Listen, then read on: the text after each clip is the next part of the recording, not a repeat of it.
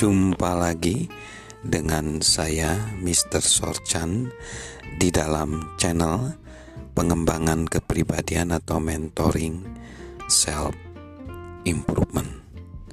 Konteks besar kita adalah hidup adalah pilihan. Dan kita sudah belajar ada banyak opsi pilihan di dalam hidup. Dan saat ini saya menawarkan opsi pilihan kita adalah melayani. Melayani adalah pilihan dalam hidup kita.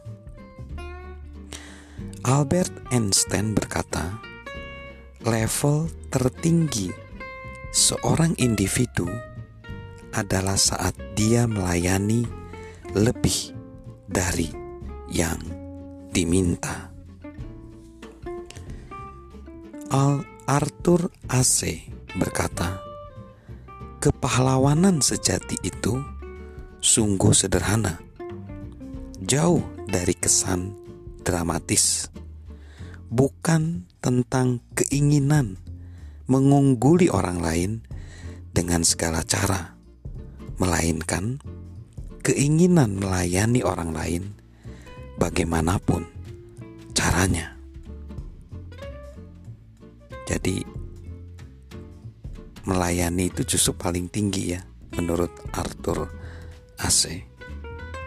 Lalu John C. Maxwell berkata, "Orang besar selalu bersedia menjadi kecil. Orang besar selalu bersedia menjadi kecil. Lalu Eugene B.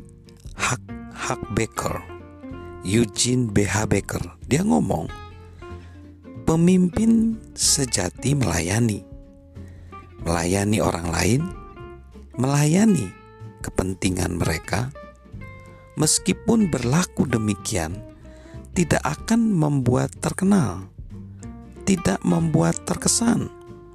Namun, karena pemimpin sejati dimotivasi oleh kasih, bukan hasrat kejayaan pribadi, mereka mau membayar harganya. Jadi, itu ya, pemimpin yang sejati itu dia bukan pemimpin yang dimotivasi oleh mengejar hasrat kejayaan pribadi untuk terkesan, bukan. Lalu ada lagi Harold Kastner. Harold Kastner bilang gini, tujuan kehidupan bukanlah untuk menang. Tujuan kehidupan adalah untuk bertumbuh dan berbagi.